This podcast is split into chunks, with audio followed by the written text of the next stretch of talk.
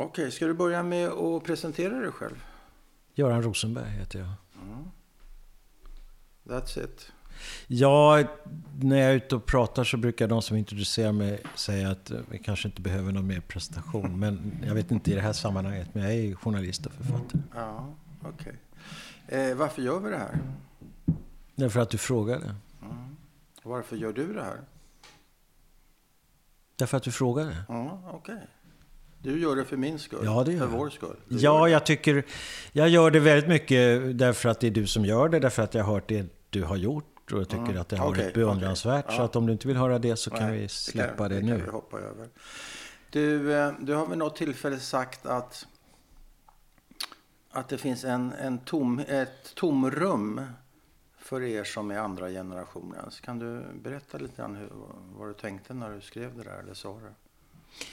Jag vet inte om jag sa det så, men det är säkert kanske sant. Men eh, tomrummet vill jag inte generalisera. För Jag skrev, eh, jag skrev upp det här. Ska vi ta det ordentligt? då? då. Ett svart hål i vårt förflutna. Så sa du. Det var ju mycket bättre uttryckt än vad jag kunde säga. Jag tror att det är väl möjligtvis det mest generella man kan säga om den här generationen som du nu eh, plockar in mig i. Jag är rätt eh, avers mot att, använda den här typen av kollektiva benämningar. Därför Ja. att det tenderar att klumpa ihop människor som i övrigt är väldigt olika och har väldigt olika berättelser.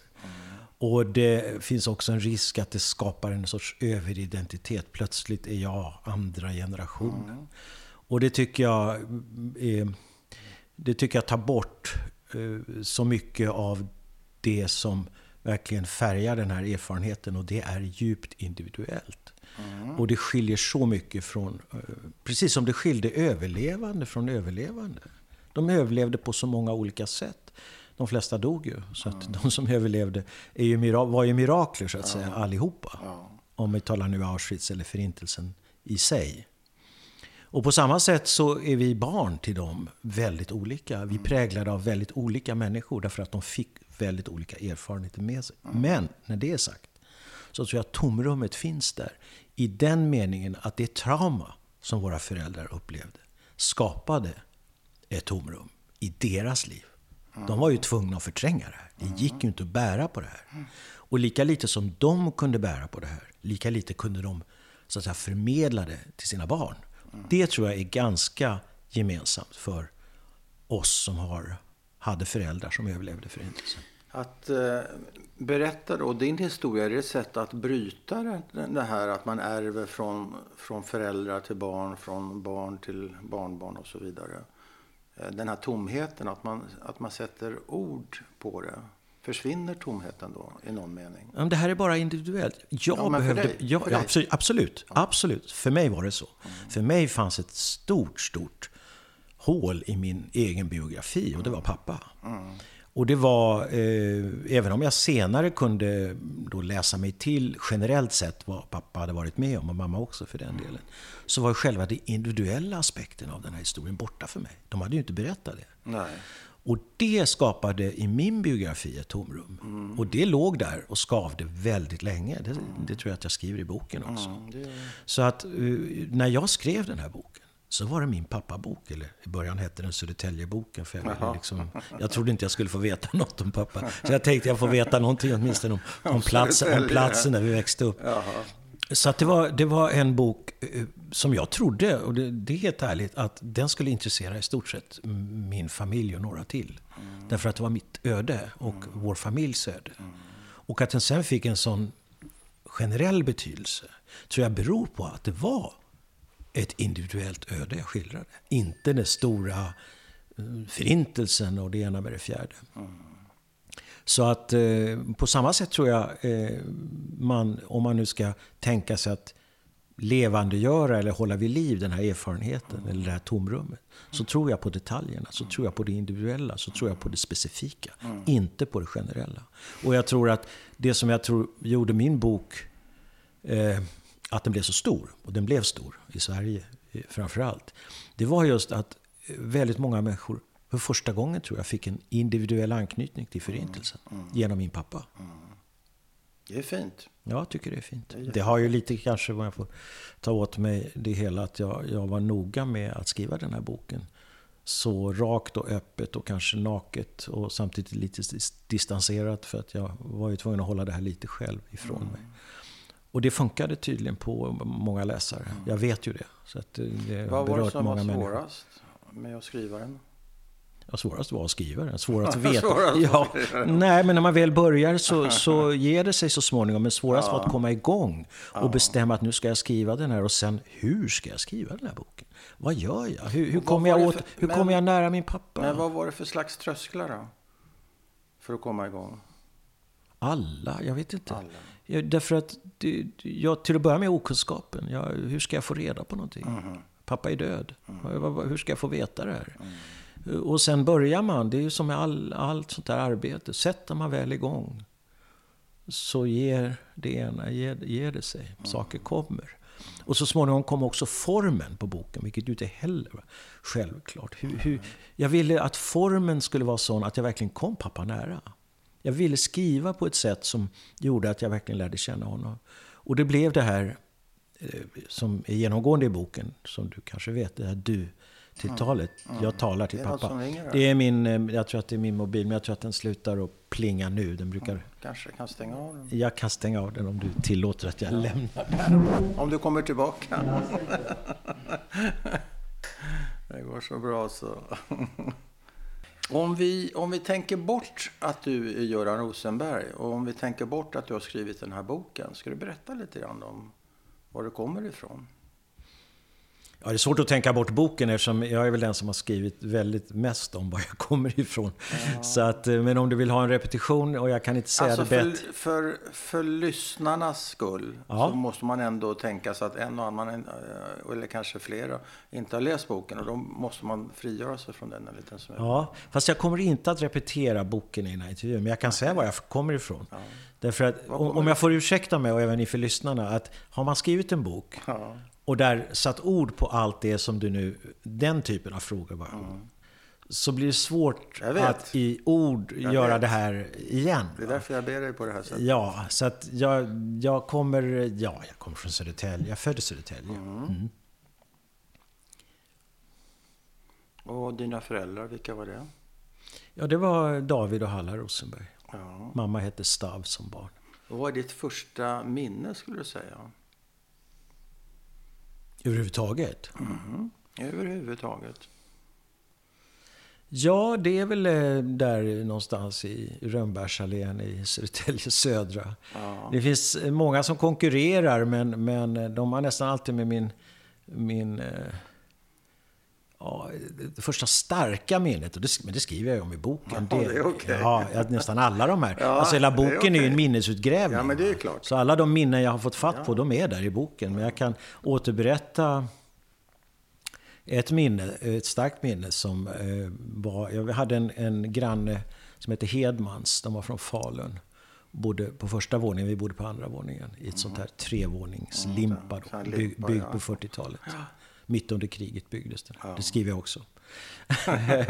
jag tänkte, det, bygg, det är ett omkväde som ja, kommer komma... I Södertälje, I Södertälje södra ja. byggdes det för framtiden medan eh, ja, allt det som hände i det som pågick i Europa, då, Warszawa och ja. Łódź och allting, var ju samma tid, exakt samma ja. tid.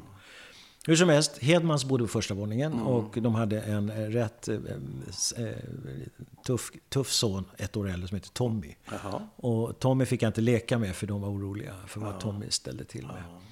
Men en dag så tyckte Tommy att vi skulle gå och, och jumpa isflak på kanalen. Det gick att gå i en kanal precis bredvid Södertälje kanal. Ni skulle jumpa på isflak? Jumpa på isflak, alltså. Man okay. hoppar mellan isflaken. Ja. Och sådär. Det var, tyckte han vi skulle ja, göra. Och... och det tyckte jag också. så vi gick och jumpade på isflak. Ja. Och jag dråsade i förstås. Ja. Och, eh, men jag kunde ta mig upp. Och, iskall och dyngvåt kom jag hem till mina föräldrar. Och den skräcken jag såg i deras ögon. Den glömmer jag inte. Nej.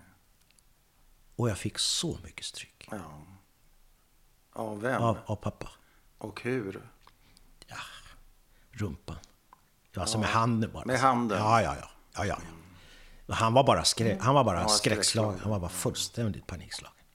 Hur gammal är du då? Vad kan det vara? Fem, sex? Men jag skriver, boken har flera sådana här barndomsminnen. Den är, det, det roligaste var att skriva det. Ja. Men förvånas du över, över den skräcken som du ser då? Nej, när man är så liten. Man får, jag vet ju inte. Jag förstår att de blir förbannade. Ja, men eh, att de blir rädda också? Nej, men skräcken är den jag ser när jag är en vuxen människa. Den ser du som vuxen? Ja, den ser jag som vuxen Inte människa. som barn? Nej. Jag fattar vad det är jag ser när jag ser tillbaka. Vi går ett steg till tillbaka. Berätta lite grann om dina föräldrar, vilka de var och vad de eh, levde igenom under kriget och sådär. Ja, Om det är okej. Ja, absolut, absolut. Men som sagt... Du har skrivit det. Jag har skrivit det väldigt utförligt. Vi kanske Men- bara ska läsa upp boken i, Ja, det, i 14 men, nej, timmar. Nej, nej, nej, men vi kan, vi kan fortsätta. Självklart. vi gör självklart, litet- vi gör ett självklart. det är roligt att göra det här också. Nej, men, men eh, ja, båda, de, båda växte upp i, i Łódź, eller Lodz som man sa på jiddisch. Eh, mamma var född i en lite mindre by och var ifrån en mera judisk, eller ja, ortodox judisk. Inte riktigt ortodox, men, men, men mycket traditionell judisk familj. I en liten stad som heter Chelm, som är i Polen känd som Tokstan. Ja, det, han skrev väl sin eh, roman om det. Vad heter han? Singer. Singer. Och det, det, ödets ironi är att, vi sen hamnade i Sveriges tokstad, Södertälje. Men, Var Södertälje en tokstad? ja, oh ja, det är ju ökänd för Jaha, det vet du inte. Nej, men det är delvis eh, Bellmans fel. Men det ska vi inte gå okej. in Det skriver jag också. Bellman, han var till Södertälje? Ja, Bellman skrev nidvisor om, toka, om de här eh, i Södertälje. Fantastiskt. Ja. Men vi är i Łódź kan vi säga, Lodz. ja, precis. Mamma född där. Pappa är född, eh, var född i en, i en annan liten Eh, by, eh, Vidava, som också låg söder om Łódź. Och, eh, han var från en mera då assimilerad judisk, det var lite mer medelklass kan man väl säga. Min, min morfar var, var någon sorts ja, handlare i ditten och datten. Och de var, Schmattes alltså? Nej, det var, Inte tror jag inte. Han så. var någon sorts gross. Han reste runt lite. Det är klassiskt så här, judiskt så här, på landet. Ja. Så de kom till Łódź. Så många kom, judar kom. Det var, det var nöd på landet och, och staden erbjöd, var en stor stad och erbjöd Där mycket. fanns det jobb. Och de hade, det var fyra systrar och en bror i mammas familj och i pappas var de eh, fyra bröder. Tre bröder, förlåt. Tre bröder. Och, eh, och, och ja, de träffas då. eh, Mamma går i en judisk skola, pappa går i en mera polsk skola. Så de, går, de kommer verkligen från lite olika bakgrunder. Men alla de där bakgrunderna spelar ju ingen som helst roll när tyskarna kommer och stoppar in dem i gettot på våren 1940. Men då- känner de varandra Inte sen innan, innan? inte Nej. innan, men de Och hamnar i samma... Jo, jo. Under? Ja, ja, de träffas ju i gettot. De, De bor i samma hus. i. Eller i stort sett i samma hus. I Łódź getto? alltså? Ja, ja och de blir förälskade i varandra. Så där de lär de känna varandra? Ja, de blir sådana teenage lovers kan man säga. Mamma var född 25, så hon är, är, är bara 15 år. Ja. När, de, när gettot, när de körs in i gettot. Och pappa, är, Och pappa? pappa var född 23, så, så han är två, år- två år äldre. Och vad tycker mammas föräldrar om den här icke-ortodoxa, icke-fromma Nej men jag tror det där är inte på kartan. Det är ingen som vet om det där. De var bara liksom... Det var hemligt? Ja, eller vet, de bara tyckte om varandra. Ja, ja. Det var väl hemligt. Och, Ja, ja. och, det var kanske, och det var på slutet. Jag tror inte det var i början. Utan det är, de är ju så unga. Det är ju unga människor. Tonåringar. Så att, eh, men det som, det som är, det jag vet och det som är återberättat det är ju att de, de då eh, eh, är, de deporteras i samma vagn till Auschwitz i september 1944. Och där har pappa skrivit väldigt mycket om det här. Eller väldigt mycket, men har skrivit i brev som jag hittade sen om, om hur, de då, eh, hur mamma somnar i hans knä, hur det där nu gick till. Är det Och- kärleksbreven som du hittade? Ja, och sen, Eller ja men de din är ju mamma? senare. Aha, de är senare. Ja, alltså breven är ju, efter, är ju efteråt. Det är när de, handlar har, om- när de har hittat varandra. Men handlar om den här resan? Ja, då, då finns det här med. Då finns det här med. Och de skiljs då och uh, skiljs då på rampen i Auschwitz. Och eh, mamma har sen berättat då att de hade lovat varandra att de skulle leta efter, om de överlevde skulle de leta efter varandra i tre år eller något sånt. Och, ehm, så de skiljs i Auschwitz och jag Men beskriver vid den sen... här tidpunkten, Göran, är de ett par då? Eller vad ska man Ja, men du beskriva kan inte, det som? nej, du kan inte beskriva... De är tonårsförälskade. Ja, okej.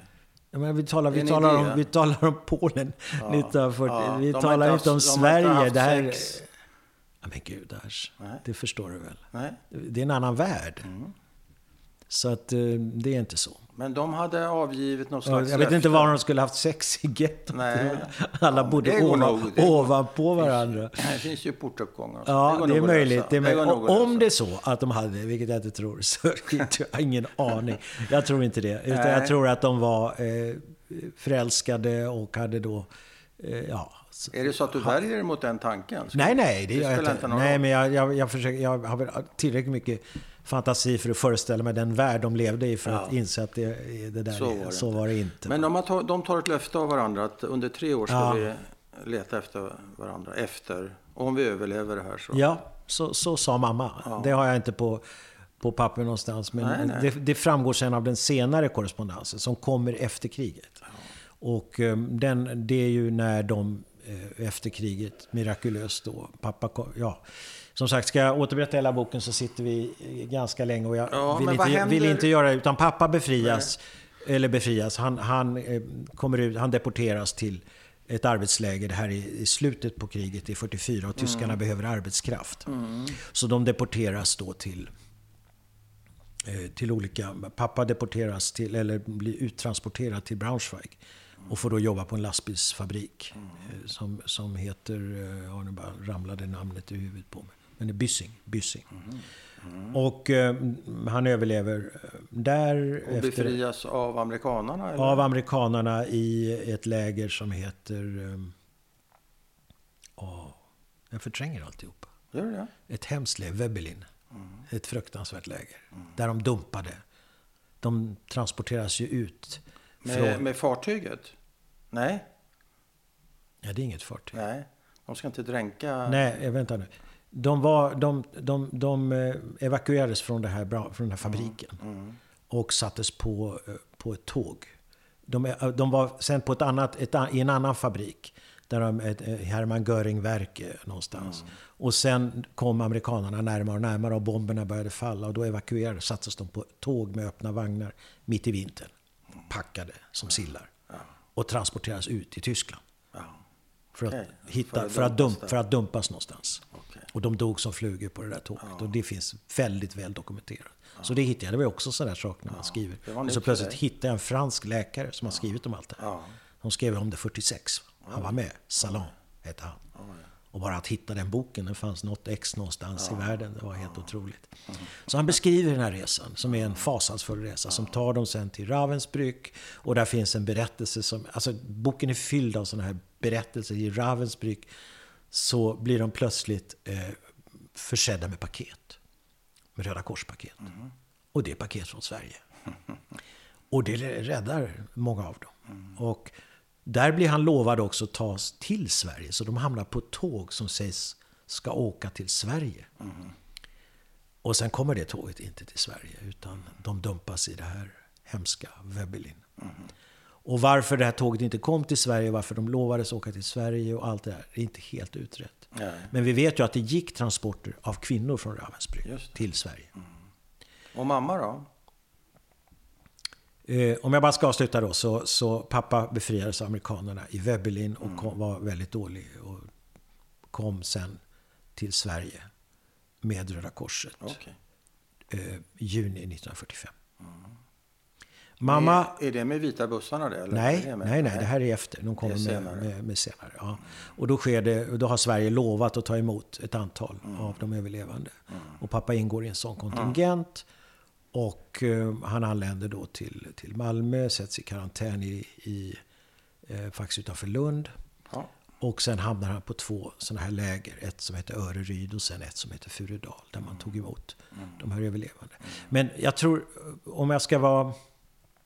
Jag kanske...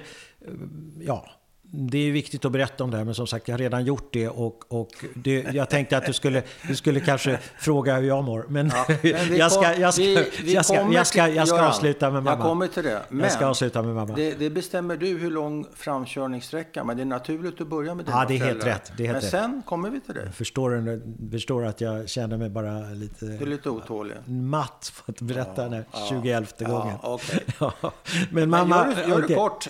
jag gör det kort. Okej, mamma, mamma med sina... Eh, det var precis av samma skäl. Eh, Auschwitz var fullt, gaskamrarna gick för fullt tryck. Det behövdes arbetskraft ute i industrin eftersom ryssarna kom och amerikanerna kom. Och det var panik i Tyskland. Hon evakueras då, eller evakueras, deporteras tillsammans med sina systrar. De är då fortfarande eh, fyra stycken. En har dött i Auschwitz tillsammans med sitt barn. Där tog de dem direkt. Så de är eh, fyra systrar som kommer till Stutthof som är ett fruktansvärt eh, koncentrationsläger med en gaskammare men det är inget dödsläger. Utan där får man jobba stenhårt och några dör. Och därifrån, du har helt, du associerar helt rätt, kommer några så småningom att, att, eh, att marscheras mot havet där de dränks. Ja, men det är inte, Det är inte det är inte de. Utan mamma blir... En, en av systrarna dör i lägret. Mamma blir svårt sjuk, det skriver jag i tyfus.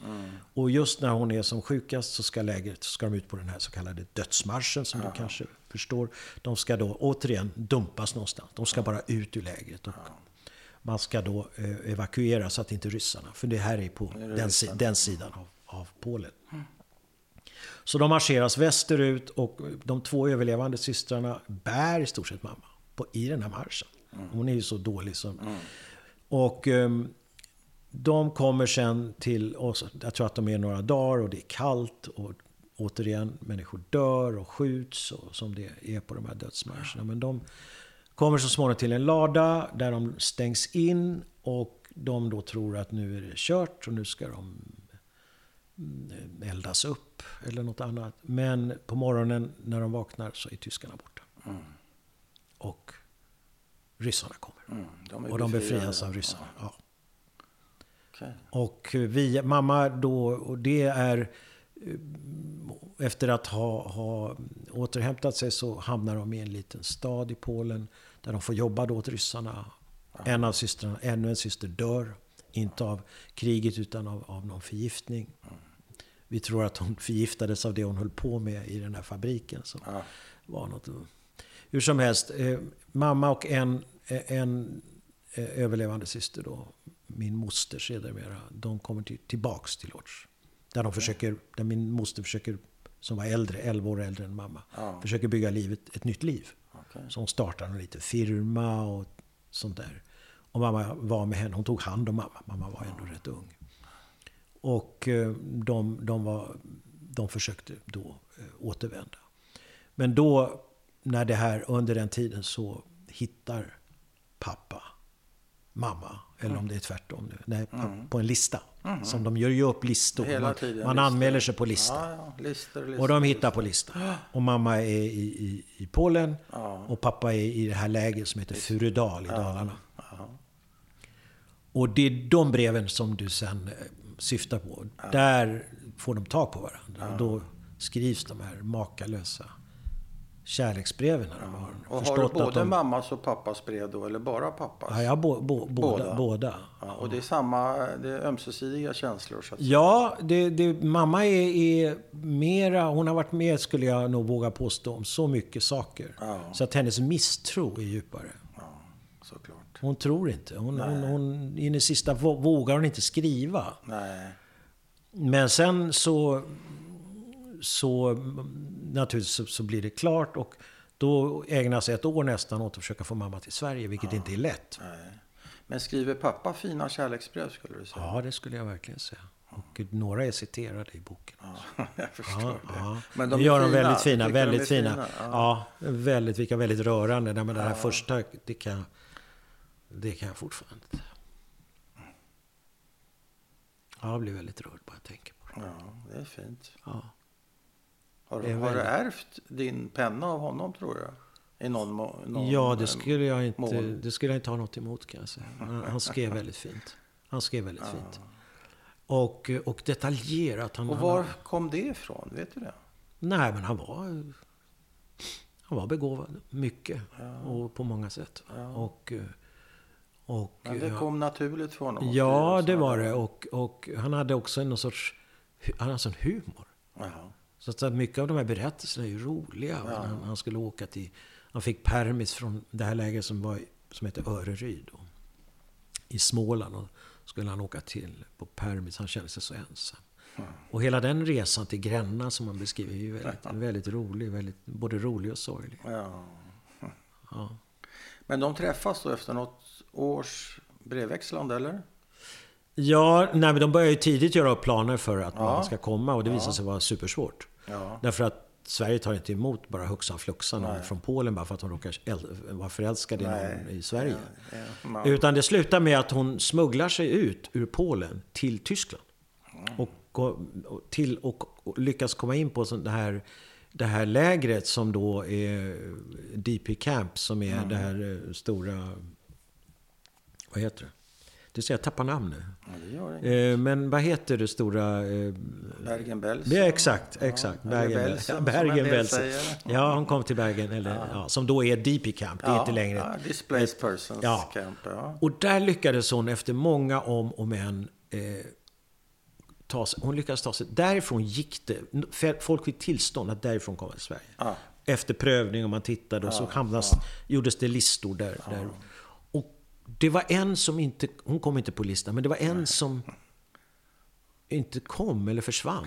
Hon tog den personens identitet, Oj, namn, oj. och lyckades på det Hon viset. skulle till varje pris. Ja, hon skulle till varje pris. Hon skulle till varje pris. Så eh, ungefär, eh, och vi talar nu eh, augusti 1946. Men hur lång så tid kommer har det mamma. gått då från det de får första Ja, och, kontakten? och, ja, men det är första kontakten i januari 46. Så att det är inte så, Ja, det är nej, inte, det är inte så jättelångt. Nej, nej, det går rätt så snabbt ändå. Ja, alltså. de lyckas ändå rätt snabbt. Håller den där kärleken i sig, skulle du säga? Ja, det skulle jag säga. Det gör den. Så jag brukar också säga att de som undrar hur det var barn till överlevande. Åh, vad jobbigt det måste ha varit. Det var inte ett dugg jobbigt. Jag hade den lyckligaste barndom man kan tänka sig. I, bortsett från att det var mycket jag inte visste. Men de, de, Men de öste då? sin kärlek. Vad sa du? Ja, de öste sin kärlek över Ja, dig. men tystnaden struntar väl jag. Det man inte vet har man inte ont om. Och du fick massor med kärlek. Ja, det fick jag. Väldigt mycket. Väldigt mycket. Och det var ju inte heller något sorts hysch-hyschande om så att säga det judiska eller så i sig. Nej, Utan där, det fanns ju, det vet jag ju en del som var så rädda att de Ja, inte ville det. säga liksom att de men var de var judar. rätt så frimodiga där alltså. Ja, det var, inte, det var inte tal om något annat. Och vi hade, det var en liten Jewish community där i Södertälje. Li, liten men dock. Ja. Och vi hade ju alla de vännerna och även svenska vänner fick de väldigt fina, långvariga. Mm. Och en, kanske de längsta vännerna som till sist mamma hade. De svenska, Mm. icke-judiska. Icke-judiska. Men säg mig, eh, ösa beröm över, över lilla Göran säger du. Men var det likadant med din syrra? Ja, det får du ju fråga henne Ja, verkligen men din upplevelse, fick hon lika mycket kärlek? Mm. Och... Det vill jag faktiskt inte säga bu eller bä om. Nej. Va? Men vad hon upplevde och inte upplevde, det vet jag inte. Men jag kan väl säga så mycket. Att den här parven som kommer 1948, efter allt det är de har varit alltså. med det är jag. Får ju allt. De, ja, de investerar väl allt i, i den här... och du ju- känner inte tyngd av detta? Nej. För man kan För det var sig- inte en, en, en tung kärlek. Det var en, en rolig, det var en lättsinnig. Det var en... Det är pappa mycket. Mamma hade nog varit lite mer heavy-handed kanske. Men pappa vägde ju upp det där med sin lätthet och sin, sin, sin, sin, sin, sin, sin humor. Och, så att, och det var Så ju... Du är helt nöjd med din barndom alltså? Det är relativt ovanligt att höra. Ja. Jag, Och jag, definitivt inte om man har haft traumatiserade föräldrar. Jo, men de var, de var, ja, men de var trauma, alltså, Det var boken till sist så att säga någonstans skriver fram. Vad det här, hur det här traumat sen manifesterar sig. Men i början övervinns traumat av framtids, av, faktiskt av framtidstro. Jag tror till sist att de tror att det är möjligt att gå vidare. Ja. Och jag tror Sverige är ett land som skapar den föreställningen. Ja, visst. Det bygger här, bygger här kan, idén. Här Ja. kan ni börja om. Ja, visst. Och det är, ju, det är ju här de bestämmer sig för, det är det de bestämmer sig för att satsa på. Sverige. Och de ger Och det här känner du igen. De ger ju mig ett namn som de inte kan uttala. För de frågar vilket är det svenskaste namn vi kan ge vår son. Ja. Ja, då det någon som säger Göran. För det var hette alla på den ja, tiden. så vad fick du heta? Ja, Göran. ja men av dem? Göran. Ja, men hur- Geran. Geran, sa de. Ja, så. Eller något sånt. Det, spelar, det är svårt. Ö är ju shibbolett i Sverige. Det är ett ö. Det, det, det, du kan, efter en viss tid så kan ingen uttala det perfekt om Nej, man nej. inte är född här. Va? Eller har tid. Göran, det det speciella öet. Och det är ju ingen tillfällighet heller, missgissar jag, att du heter Bernt och att din bror heter Kenneth. Och nej. att tusentals andra i vår generation och så heter något liknande. Men hade du ett hebreiskt eller ett Ja, ett, namn? ett bibli, ja, Jakob som andra namn. Jakob, ja. ja. Jakob som andra namn. Men var det Jakov eller var det Jakob? Ja, det Jakob står det ju i... i, i Men, men, hur uttalar de det? Jid, som jiddisch eller hebreiska? nej, men du vet eller? ju att när man kommer sen i synagogan och ska, bar mitzva sig, då är man eh, Jakob ben David. Va? då är det- Så, då blir det hebreiska, blir det naturligtvis. hebreiska, ja. Ja. Så det är en, och det är det enda tillfället du använder ditt eh, bibliska namn Jakob ja, det är det. i Gogan. Ja, nu är ju Jakob också ett svenskt namn, så att det, de var ju snillrika, de här föräldrarna. Ja, men det är ett bibliskt namn Ja, i alla fall. Kanske till skillnad från Göran. Ja. Göran är inte så vanligt förekommande i Nej, Bibeln. nej. Men mm, När jag bodde i Israel under några år så byttes det, byttes det inte av mig, men av min omgivning, till Joram. Som är en, en kung i det gamla Israel. Ja. Men inte Jakob alltså? Nej, Ja- Jakob. Nej, nej, Joram. Det var mycket bättre. Det var ett hebreiskt Det var ett riktigt hebreiskt Det nya, ja. Det nya som kom. Mm. Så mamma kan man säga gick från det nya Sverige till det nya Israel. Det var ju två nybyggarländer på det sättet. Ja, nu, talar, nu hoppar du mycket i tiden. Jag hoppar lite här. Ja, nu hoppar Vi ska du. binda ihop det sen. Ja, ska... men det är sant. Eh, Det var, men som Nej, sagt, men det är dina- två, fr- två dina- länder med framtidstro. Ja, absolut. Och, och för mig var det väldigt viktigt. Mm. Israel eh, övertog eh, i den meningen, eller till och med förstärkte, Mm. mitt behov av framtidstro. Som ju då efter, eftersom jag nu ändå, mm, ni inte har läst boken, så, eller som har läst, eh, sen, efter pappas död då, så, så flyttade vi till Israel. Och då eh, ska vi säga att mitt behov av framtidstro, som jag tror var starkt, lika starkt som mina föräldrars, det övertogs av Israel. Väldigt mycket. Så du trivdes där. Ja, jag gjorde trivs väldigt mycket. Men du säger så här Göran, min pappas död, tog inte han livet av sig din pappa? Jo, det gjorde jag. Men du, säger, du beskriver det inte så. Jo, i boken gör jag det. Ja, men nu när du säger så här, min pappa. Nej, men grejen är så här Bernt. Jag, jag, jag, jag vill inte prata så sönder en bok som jag har skrivit. Det är lite så det är. Va? Det är så, det börjar nästan Det bli, jag börjar nästan bli bibliskt. Det som är skrivet är skrivet. Va? Det var ett sätt att, att spara en cliffhanger. Det var en cliffhanger alltså, att säga att han dog. Ja, alltså, Så det är jag inte skrev- så att du har svårt så, att ta så, så det här är det. i din mun? Det är inte I- att du har svårt att säga det? Nej, absolut Nej. inte. Men så här är det. Om man inte har läst boken så vet man inte hur den slutar. Nej. Och jag vet många som inte fattar att det kommer att sluta så Nej, här. det håller jag och jag vill inte därför säga det. Och jag sa aldrig intervjuer då heller. Nej. Och jag blev rätt sur på recensenter. som börjar med hur den slutar. Men nu är boken det gör man ju så inte med andra läst böcker. och spridd Ja. Mm. och uppskattad och refererad. Så nu kanske vi kan prata om din pappas självmord. Hur det var för dig. Och vad var det som mörknade där i den här humoristiska, glada personen? Eller åtminstone som kunde verka glad. Det var motgångarna som kom, den ena efter Det kom motgångar och det var bara...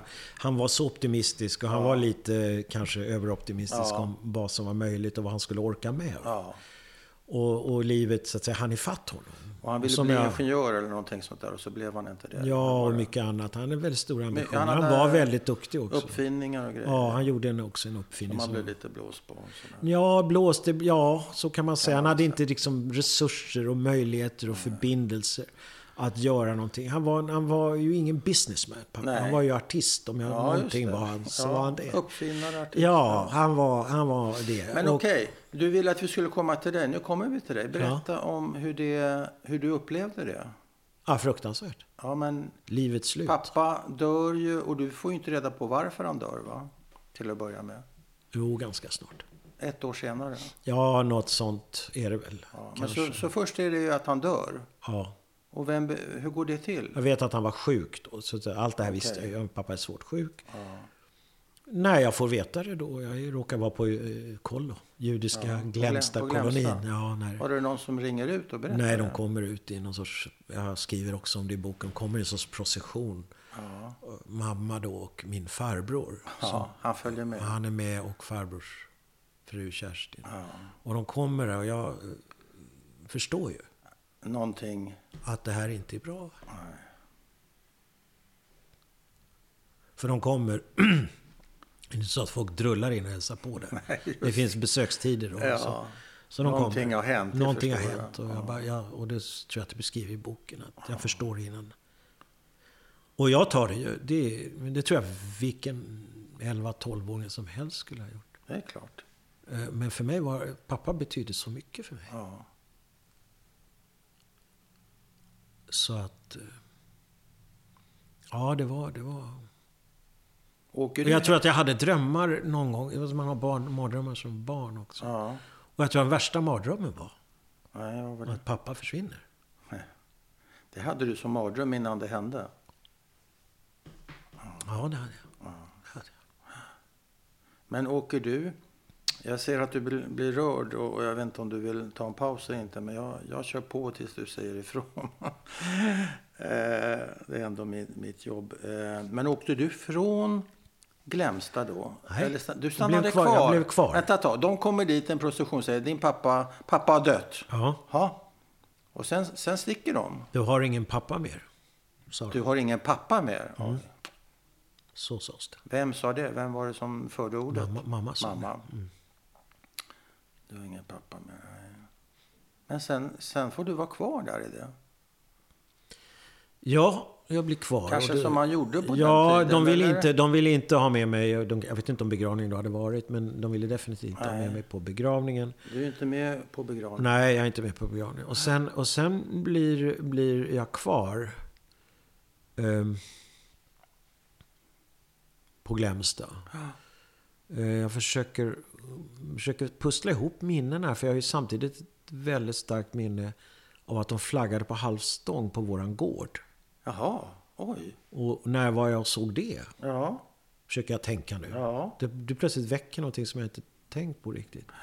Eller ett fotografi då? Nej, nej, nej, nej. Du De ser flagg... det? Ja, jag ser Och det. där. vem ser flaggstången? Ja, Är det, finns en flagg... Ja, det är HSB. Är det en HSB ja, det, där? det är HSB. Det är och- HSB-lägenhet. Och där finns det en Det fanns en, en flaggstång. flaggstång. Ja, det fanns en flaggstång. Och någon, det är ju väldigt fint. Ja, den var flaggad på halvstång. Mm. Så det har du sett? Ja, och då är det möjligt att jag kanske för en kort stund...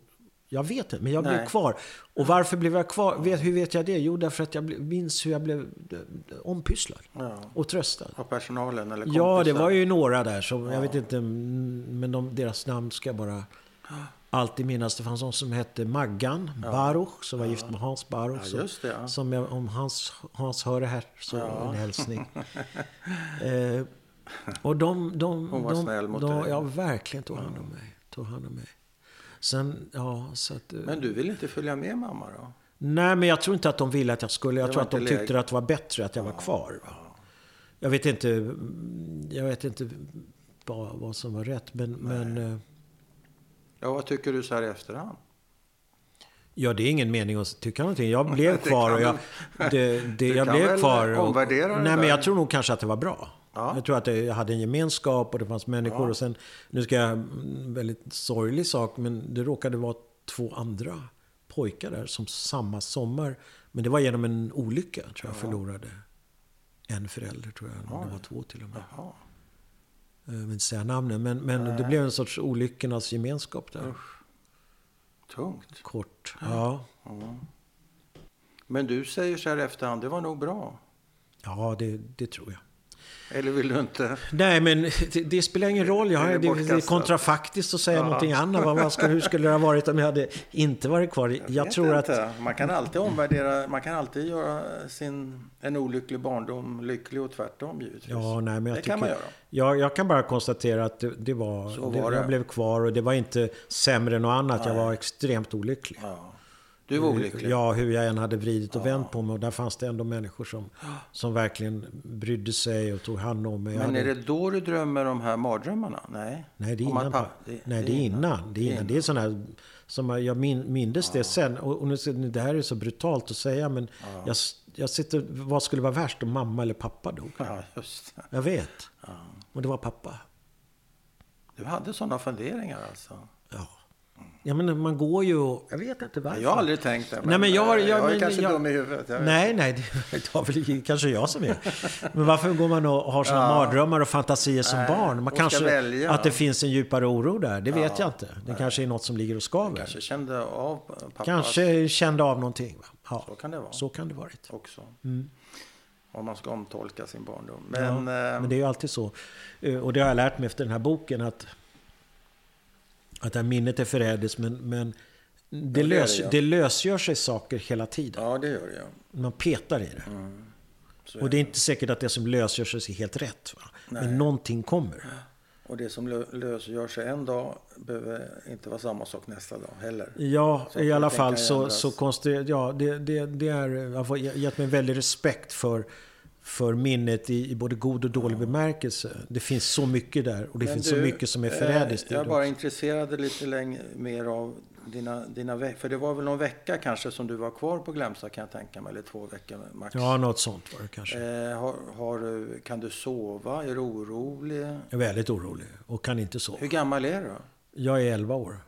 Du är 11 år. Ja. Du bor i någon av stugorna eller någonting sånt där? Jag bor i Länga, en av längorna. Pojk, pojklänga. ja, ja. Paviljongen. Herr, herrpaviljongen. Ja, herrpaviljongen. Bor i. Mm.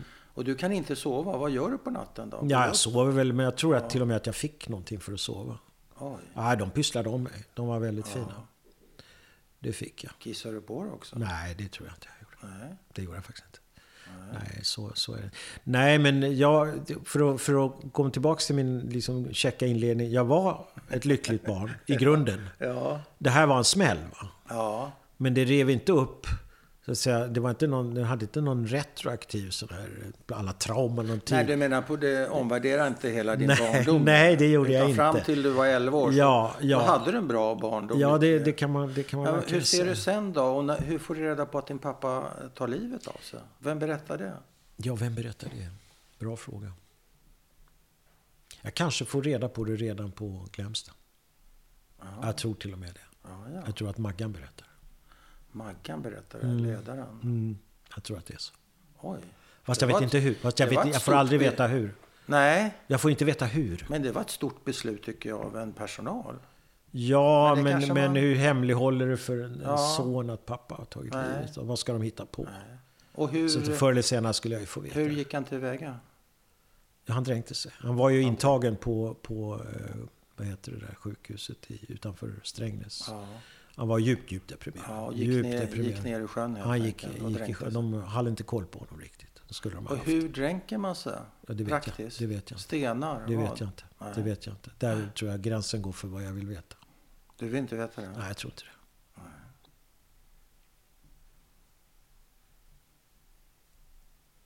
Hur gammal är pappa när, när han dränker sig? 37. Och hur långt ut behöver han gå? Det vet jag inte. Inte heller. Det är inte din eh, Det är specialitet. inte min sak riktigt. Nej, det är inte din sak. Hur har det här påverkat dig, pojken Göran? Du är 11 år då. Jag tror det påverkat mig oerhört mycket. Men hur? Men ja, det är det jag inte riktigt kan svara på. Det var ju titta igenom mitt liv får man se. Men, Ja, men återigen, vi, jag kan väl säga att mycket av det här sköts upp eh, innan jag började framförallt började leta efter min far. Det, det är väl det. Jag, det skulle man kanske normalt ha börjat med tidigare. Och, och börja, men vi flyttade ju som du har antytt till Israel bara året efteråt. ja okej. Eller två år efteråt, förlåt. Vi åkte till Israel året efter. Och där hade jag min farbror, jag hade inte mycket släkt, men där hade jag min farbror och där var min moster, mammas syster. Var flytten en, ett resultat av pappas död? Ja, ja, självklart. Ja, självklart. självklart. Eh, Jag skriver också att eh, vi pappa hade planer. Ja. Eller idén om att, att ansluta sig till sin bror. Och mamma då till sin syster Israel. Men så här, Men det blev inte så. ser du det här som en, eh, en konsekvens av hans upplevelser under kriget? Eller är det här en depression vilken som helst? Nej, nej, det är av krig. Alltså, Av krig. Man kan säga så här. Förstår du vad ja, jag förstår jag och det här, det här försöker jag förstå också i boken. Men självklart så är, är, är, är, är det här ett trauma som utlöses av enskilda händelser men som ligger, ligger bara och, och, och som finns. Det, det, finns ju namn för sånt här nu. Det heter posttraumatisk ja, stress och allt sånt där. Men det fanns, ju inte, det fanns ju inte då. Nej, han led av det, rimligen. Ja, det måste det led, Ja, det led väl tror jag alla, alla led av det på något sätt. Och hanterade på. Mm.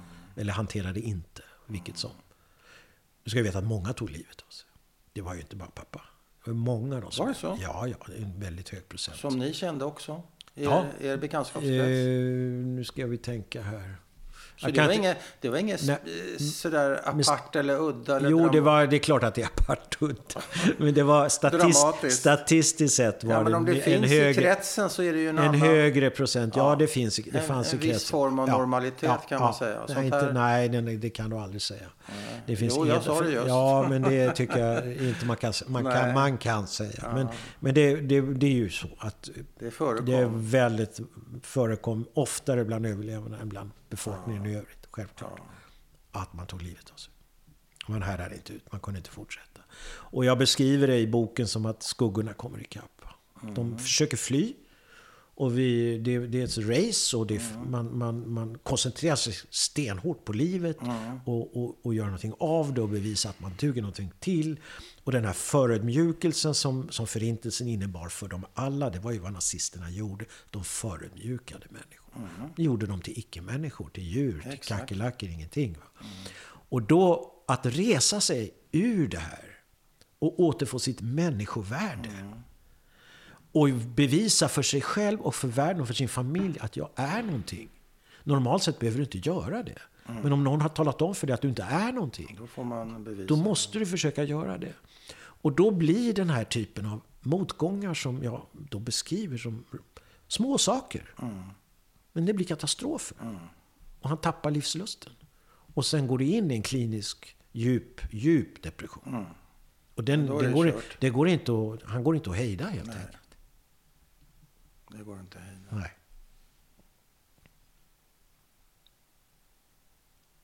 Men är det inte i någon mening sådana här saker som det, alla människor har att slåss med eller mot i någon mening? Säkert. Men, men... Det här är ju specifika vidrigheter vi pratar om. Men det här med skuggor som kommer i fatt, det kan jag eh, sympatisera med, kanske är fel ord, men känna igen mig i. Att man måste varje dag eh, stiga upp och jobba. Eller? Du ja, jo. Nej, nej, jag håller med dig. Jag, jag tycker det är jobbigt att gå upp på morgonen. Varje, varje morgon ja, är, är, är en, en, att resa sig från något lite mörkt. Men, men ja, om, man inte ja. Just, om man inte har ett ljust sinne från födseln och, och, och det finns sådana. Ja, jag är så avundsjuk på sådana människor. Ja. Men hur som helst, för att de, det som skiljer naturligtvis är, precis som du säger, det är erfarenhetens dimension. Det är inte, absolut, ja, men ändå. Det, det, finns ändå ett jobb som alla behöver göra som, som vill utge sig för att vara människor. Ja. Ja, ja, ja men det är en allmänmänsklig situation. Ja, det är en allmänmänsklig situation som du beskrev. Ja. Visserligen toppad med, med det allra jävligaste man kan tänka sig, ja. ja. Men inte egentligen helt och hållet artskilt. Jag skulle säga att det är artskilt i en bemärkelse, och det har jag precis sagt. Det är väldigt sällan i historien och i någon annan sammanhang där du så totalt, totalt förnekas ditt människovärde. Ja. Fullständigt. Ja. Du, du kan liksom bli förföljd, du kan bli, eh, eh, ja, du kan bli betraktad som mindervärdig i någon mening. Ja. Eller, ja, all rasism har ju det där i sig. Ja. Men nazisterna hade ju en, en, en, en idé fix för att de skulle kunna mörda judarna. Så måste de, för att det ska kunna fungera, så måste de reduceras till ingenting. Det är riktigt. Till saker. Och det, det är specifikt. Och, det är specifikt. Och unikt. Det är ja, riktigt. Ja. Hur har du förhållit dig till din, din pappas mörka sidor? Hur, hur tänker du på det? Alltså för dig personligen? Jag kan nog säga att när jag nu har distans till det här så ser jag ju väldigt mycket av det i mig själv. Mm. Och jag börjar förstå mig själv. Det, här, det gör man ju aldrig, men jag ser ju drag i mitt eget liv. Och min egen, min, min egen karaktär och min egen... Ja, jag känner igen väldigt mycket av, av mig själv i honom. Ja, det gör jag. Är det trösterikt eller skrämmande? Nej, varken eller. Varken jag, eller? Nej, ja, nej, det tycker jag inte. Utan... Jag tycker det är som det ska vara. Egentligen känner jag bara en sorts... Eh, ja, det... det förklarar ganska mycket. Det förklarar, det har ett högt förklaringsvärde för mig. det låter lite Eh, det, byråkratiskt. Va? Det, lå- det lät lite byråkratiskt. Tycker du det? Ja, Tycker du det? Ja, förklaringsvärde. Vad är det? Vad är ett förklaringsvärde? Nej, men det förklarar saker i mig själv. Jag kan inte säga- Retroaktivt? Ja, Bakåt? ja lite så. Lite så. Jag är inte heller... eh, Jag har också lätt och Han hade... Jag vill inte göra några som helst jämförelser men, Nej. men han knäcktes ganska lätt. Han var ganska bräcklig. Mm. Han skulle inte överlevt Auschwitz utan sin bror, det är jag helt övertygad om. Som var lite segare Å virke. andra sidan så i Auschwitz så var det turen som avgjorde vem som överlevde eller inte. Så det vet man inte heller, eller hur? Ja, det var 90% tur och 10% någonting annat. Eller 99. Ja, eller, något sånt. Det fanns, det fanns någonting annat också. Ja, men det är klart att det hjälpte inte Men allt. väldigt mycket Men är du, var du från början väldigt, så att säga, du, ja, bräcklig, både fysiskt och psykiskt? Men du ger inget bräckligt intryck? Inga Nej. jämförelser i övrigt? Nej, man jobbar på. Jobbar på. All right. Vill du lägga till någonting? Nej, det, det är okej så här. Är det så här? Ja. Mm. Blev det lika illa som du hade tänkt? Eller? Nej, det är bra. Jag kan lägga till en mer allmän reflektion, om jag får det. Om, jag, om, Jajamensan. om hela det här, jag har redan varit inne på det med det här second generation och sådär. Jag har ju då, det, det var ju inte tal om att jag var någon second generation. Var- begreppet fanns inte. Nej, lika fanns inte lika- first generation. Nej, fanns inte någonting. Nej. Och jag, jag vill säga att jag värjer mig, jag har mer och mer mot eh, det här att man ska skapa sin identitet kring sådana här saker. Människ, människan är så mycket, en så mångfald. Och min identitet är så, har förhoppningsvis många, många komponenter. Det här är verkligen en av dem. Och vi har formats av det på så mycket olika sätt. Så jag, och jag ser nu hur identiteter skapas överallt. Människor har starkt behov av att tillhöra någonting, vara någonting. Och det har att göra med hur vår värld har blivit. Va? Det är väldigt svårt att känna samhörighet och tillhörighet. Och det är lätt att man söker det i den lilla gruppen istället. Och riktar det gärna mot någon annan. Och jag vill inte säga att det, är en sån, det här är inte en sån identitet. Men det skulle kunna bli och kan bli för några. Och det finns också tredje generation och fjärde generation. Jag tror man är försiktig med det där. Vi har alla ett arv. Vi har alla någonting att berätta. Jag tycker inte man kan lägga på den andra generationen som någon har ibland gjort. Att vi har något särskilt ansvar för att berätta om the Holocaust. Det har vi inte. Vi har ett ansvar att föra minnet av våra föräldrar, nära och kära vidare. Så gott vi kan. Och vad de var med om. Det tycker jag. Och det är allt du kan begära. Men att ha någon sorts kollektivt ansvar, särskilt. Jag tycker ansvaret ligger på förövarna. Det är de som ska minnas det. Mera än offren. Därför att där har du den, den stora uppgörelsen att göra. Eh, Så att, att med det sagt får du, det är helt okej att prata om andra generationer, men man måste också se att man, att man inte, man måste inte, man, inte, man ska inte riskera att göra det här till en Nej, men det här är ju identitet. bara en etikett. Absolut, och det är helt okej. Det är som, helt okej. som, som, och som är en förevändning för att träffa människor. Absolut. Ja, och människor berättar sina historier. Ja. Och historierna är lika många som människorna, eller, eller fler. Och det är allt det här handlar om. Jag vet, och jag vet att det du har allt den... det här handlar jag om. Vet, Så jag, jag, vet tänkte att, bara säga amen till vad du precis har sagt. Ja, det är bra. Till. 100 procent. Det är bra. Absolut. Det är bra. Ja, jag ville bara ha det sagt. Det tycker jag. Så, så är det sagt i mikrofonen. Mm, tack så mycket. Tack ska du ha.